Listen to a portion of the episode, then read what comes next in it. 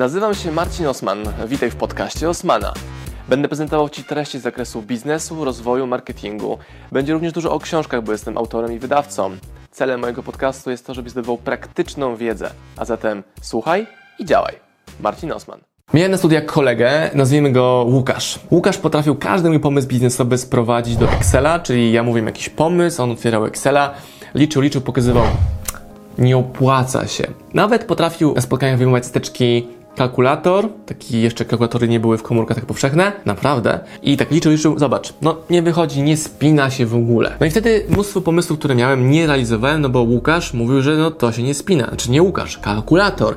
Jego Excel mówi, że to się nie spina, nie opłaca, nie opłaca, nie warto tego w ogóle ruszać. Na przykład jednym z takich pomysłów było mm, otwarcie biura coworkingowego, czy takiego biura na godziny, gdzie tam płacisz dychę 15 3 dychy za pokój konferencyjny, za jakiś hot desk, czy za pokój mały, taki biurowy.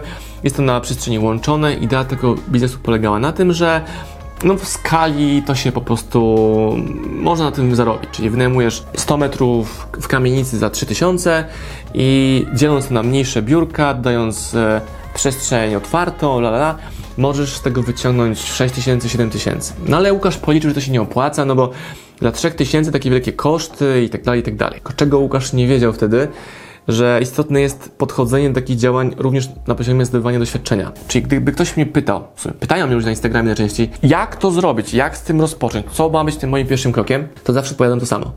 Zrób cokolwiek. No bo jeżeli mam kierunek, wizję, wiem co chcę osiągnąć, nawet tak mniej więcej, to zrobienie czegokolwiek już nas zbliża do tego działania. No i można powiedzieć, że był pomysł, był Excel i było nierobienie tego biura coworkingowego wtedy. Pamiętajcie, że mówimy o czymś, co było no z 15, jeśli nie więcej lat temu. Teraz każdy wie, kim, czym jest biuro coworkingowe i nawet jeżeli mamy teraz zawieruchę covidową, te biura są zamknięte, czy nie mają tylu lokatorów, no to to gdzieś pewnie kiedyś wróci do normy, ale ostatnie 15 lat można było w tym biznesie dobrze całkiem chyba działać. O co chodzi? Ważniejsze jest to, żeby rozpocząć działanie, bo to rozpoczęcie działania daje nam inspiracje, nowe pomysły, nowe umiejętności, spotykamy nowe osoby. Albo robiąc coś, przestajemy mieć czas na osoby, z którymi do tej pory się zdawaliśmy. Czyli gdybym ja ruszył w ten projekt z robieniem, no to nie miałbym czasu słuchać tego Łukasza, tylko bym urządzał biuro, szukał tam sprzedaży, może jakichś pracowników, może jakichś systemów internetowych, żeby to łatwo można było e, sprzedawać, robić itd., tak itd. No i takich pomysłów było mnóstwo, więc w tym wideo chcę Wam zwrócić uwagę na to, że hej, ale może warto coś zrobić. Niektórzy mówią, że no tego się w ogóle nie opłaca robić, albo mimo tego, iż to się opłaca robić, nie warto to robić. To jest też inne podejście, no bo jest wiele branż, które są opłacalne, ale których w ogóle nie zamierzam tykać, bo dla mnie one są takie, niektóre są obleśne, niektóre są takie fuj fuj, a niektóre są po prostu niedopasowane do mnie. Dlatego też nie posłuchałem rady Łukasza, by the way, że hej, na książkach się nie zarabia. Nie zarabia się na książkach, które się nie sprzedaje. Tak samo nie zarabia się na książkach, które leżą w księgarni, po nie nie przychodzi. Zarabia się na książkach, które są dobre, wartościowe, klient o nich wie i wokół tego zbudowany marketing pokazujący, jak jeszcze lepszy sposób tutaj działać. Natomiast jeszcze bardziej istotne jest to, żeby szukać ciekawych modeli biznesowych. I mam na przykład pytania, czy opłaca się robić podcast? Tak miałem pytanie wczoraj. Czy opłaca się robić podcast? Dobra, Zależy od Twojej wizji, jak ten podcast w ogóle ma powstawać. No bo możesz po prostu nagrywać odcinki, stworzyć odcinków 100, 500, 1000. I jeżeli ktoś stworzył 1000 odcinków, albo 500, albo nawet 100 odcinków podcastu, to nie widzę opcji, nie widzę opcji, żeby to mu się nie opłaciło, gdzie rozumiem, że pojawiły się pieniądze z tytułu tej działalności. Te pieniądze często nie przychodzą w sposób bezpośredni, czyli jeżeli masz kanał na YouTubie, no to niekoniecznie Twoim sposobem zarabiania jest yy, bazowanie na reklamach YouTube'owych, no bo zrobisz 100 wideo czy 1000 i zarabiasz kilkaset złotych, tak jak jest to u mnie na programie reklamowym na YouTube, to jest kilkaset złotych miesięcznie, to nie są grube pieniądze. Natomiast co daje zrobienie takiego wideo, można yy, patrzeć znacznie szerzej. Przykład. Nagrałem wideo recenzję książek E, Romana Polko i Pauliny Polko. Trzy książki. Ta jest o tym, jak walczyć z konkurencją, ta jest jak sobie radzić z czymś, co nazywane jest bezpieczeństwem, a go w sumie nie ma.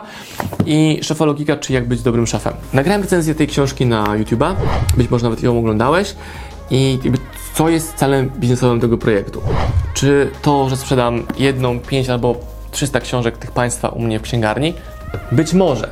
No dobra, ale jak założę takie oczekiwanie na, te, na to działanie, no to wyjdzie, że nie opłaca się w ogóle nagrywać wideo, bo to i mój czas, i kamera, i edycja, i zajmuje to czas, pieniądze, energię po to, żeby pisać książkę za 49 zł, no to się po prostu nie opyla. Ale jeżeli sobie będziemy pamiętali, że to jest jedno z tysiąca wideo, które tworzę na kanale, że tego dołożymy to, że to wideo być może obejrzą autorzy tej książki, czyli Paulina i Roman i będę mógł zbudować z nimi relację, albo być krok bliżej relacji z nimi, to już poprawiam moją strefę wpływu, bo mam wokół siebie wpływowe osoby, a cała nasza relacja, czy taki romans internetowy rozpoczął się od tego, że po prostu dałem im moją przestrzeń na kanale YouTube'owym, dałem mój czas, e, kupiłem ich książki, robię ich recenzje, czyli promuję ich. I teraz, jeżeli na przykład oni wpiszą w Google tytuł swojej książki i będę jedynym wideo recenzją, która tej książki dotyczy, no to już idę wyżej w ich rankingu przydatności, czy staję się bardziej ciekawą osobą. Czy się opłaca? No się opłaca. A może nie? Jeśli nawet nie, to jest to jedno z tysiąca wideo, które dodawane jedno do drugiego buduje całe to momentum mojego działania. Opłaca się również takie rzeczy robić, bo zdobyłem doświadczenie, czyli lepiej mówię przed kamerą, lepiej występuję, potrafię lepiej takim sprzętem zarządzać, że macie ładne światło, dobry dźwięk, tutaj perspektywa, wszystko pięknie śmiga i możecie komfortowo sobie to wideo oglądać.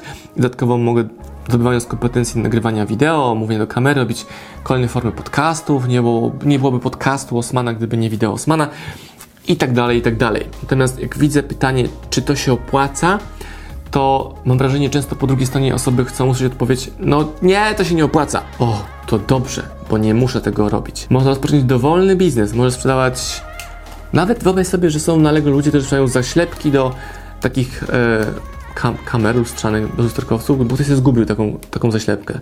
Można zrobić biznes oparty na tym, że sprzedajesz ludziom, którzy zgubili takie zaślepki do obiektywów kamer na Allegro. Da. Tak to właśnie działa. Czy opłaca się wydawać kupę kasy na licencję książki Tilmana Fertity? No być może. No znowu, być może, bo ja nie wiem, czy sprzedam tyle egzemplarzy książek, ile kosztowała licencja, bo to były drogie, wysokie licencje, ale znowu, doświadczenie, dane historyczne, moje narzędzia, osobowość i tak dalej powodują, że szanse na to są, bo zbudowałem narzędzia, własną infrastrukturę. Dzięki temu nie muszę teraz prosić o to, aby ktoś nagrał wideo o Tilmanie Ferticie, bo mogę sam to zrobić. Czy opłaca się nagrywać pod wideo pod algorytm YouTube'a, czy pod Google'a? Być może tak, być może nie. Bo może warto jest bardziej, znacznie lepiej budować społeczność tych tysiąca fanów, którzy oglądają Twoje czy moje materiały i ta grupa wystarczy, żeby budować solidny biznes, no bo wrzucasz produkt, wrzucasz film, w którym jest informacja o takiej książce, ludzie idą, kupują z Twojej rekomendacji, czyli wpływasz na nich, jesteś influencerem. A to jest możliwe dzięki temu, że robiłeś działania, które się wcześniej w ogóle nie opłacały. Znam influencerów, którzy mają ogromne, milionowe zasięgi. Natomiast ich praca nie jest opłacalna, bo ich model współpracy, jaki przyjęli, zarabiania, polega na współpracach z markami, które często płacą jakieś grosze. Czyli marce opłaca się kupić influencera, nie wiem, shoutout, wideo, e, Instagrama za 10 tysięcy, za 15, może za 20 tysięcy, bo dla nich są grosze, bo potrafią sobie fajnie przekuć ruch wygenerowany przez influencera na sprzedaż swoich produktów, a z drugiej strony ten sam influencer nie potrafi sam mieć własnych produktów, czyli w mojej ocenie nie opłaca się być tylko influencerem promującym czyjej rzeczy, bo znacznie więcej, lepiej, komfortowo można zarabiać, będąc własną firmą, własnym produktem, mając własne produkty. Można mieć książkę wydaną przez, wydaną przez swoje wydawnictwo, można mieć książkę napisaną przez siebie, można zostawiać książki innych wydawców, można i tak dalej, i tak dalej.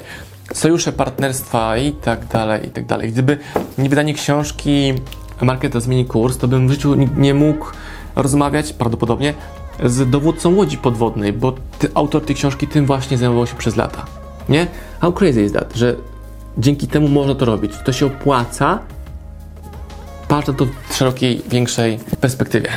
Czyli znowu, podsumowując, gdy pytasz siebie albo mnie o to, czy to się opłaca, to właściwe pytanie jest chyba takie, no dobra, czy ja chcę się wziąć do roboty za to? Ja sam często sobie mówię, że nie opłaca się mieć restaurację, czy nie opłaca się mieć hotel, ale to jasno przed sobą mówię, że ja nie chcę zaangażować mojej energii, pracy, czasu, zasobów w to, aby tworzyć tak kosmicznie trudny biznes jak restauracja i hotel, a z drugiej strony są ludzie, jak na przykład Tilman Fertita, który tych hoteli ma kilkadziesiąt jest miliarderem. No, ja miliarderem nie jestem.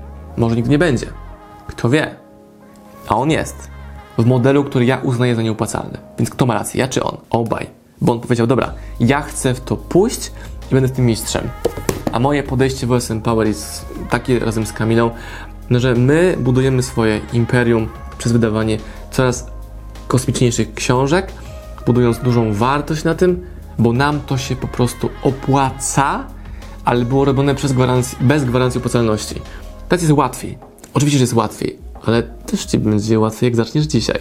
To, co nas łączy, to to, że wszyscy kiedyś mieliśmy zero followersów i zero wideo na YouTubie. Jeżeli teraz ja mam tysiąc, wi- tysiąc wideo na YouTubie, a ty nic, no to może warto to zrobić, bo według mnie nie opłaca się mieć zero wideo na YouTubie.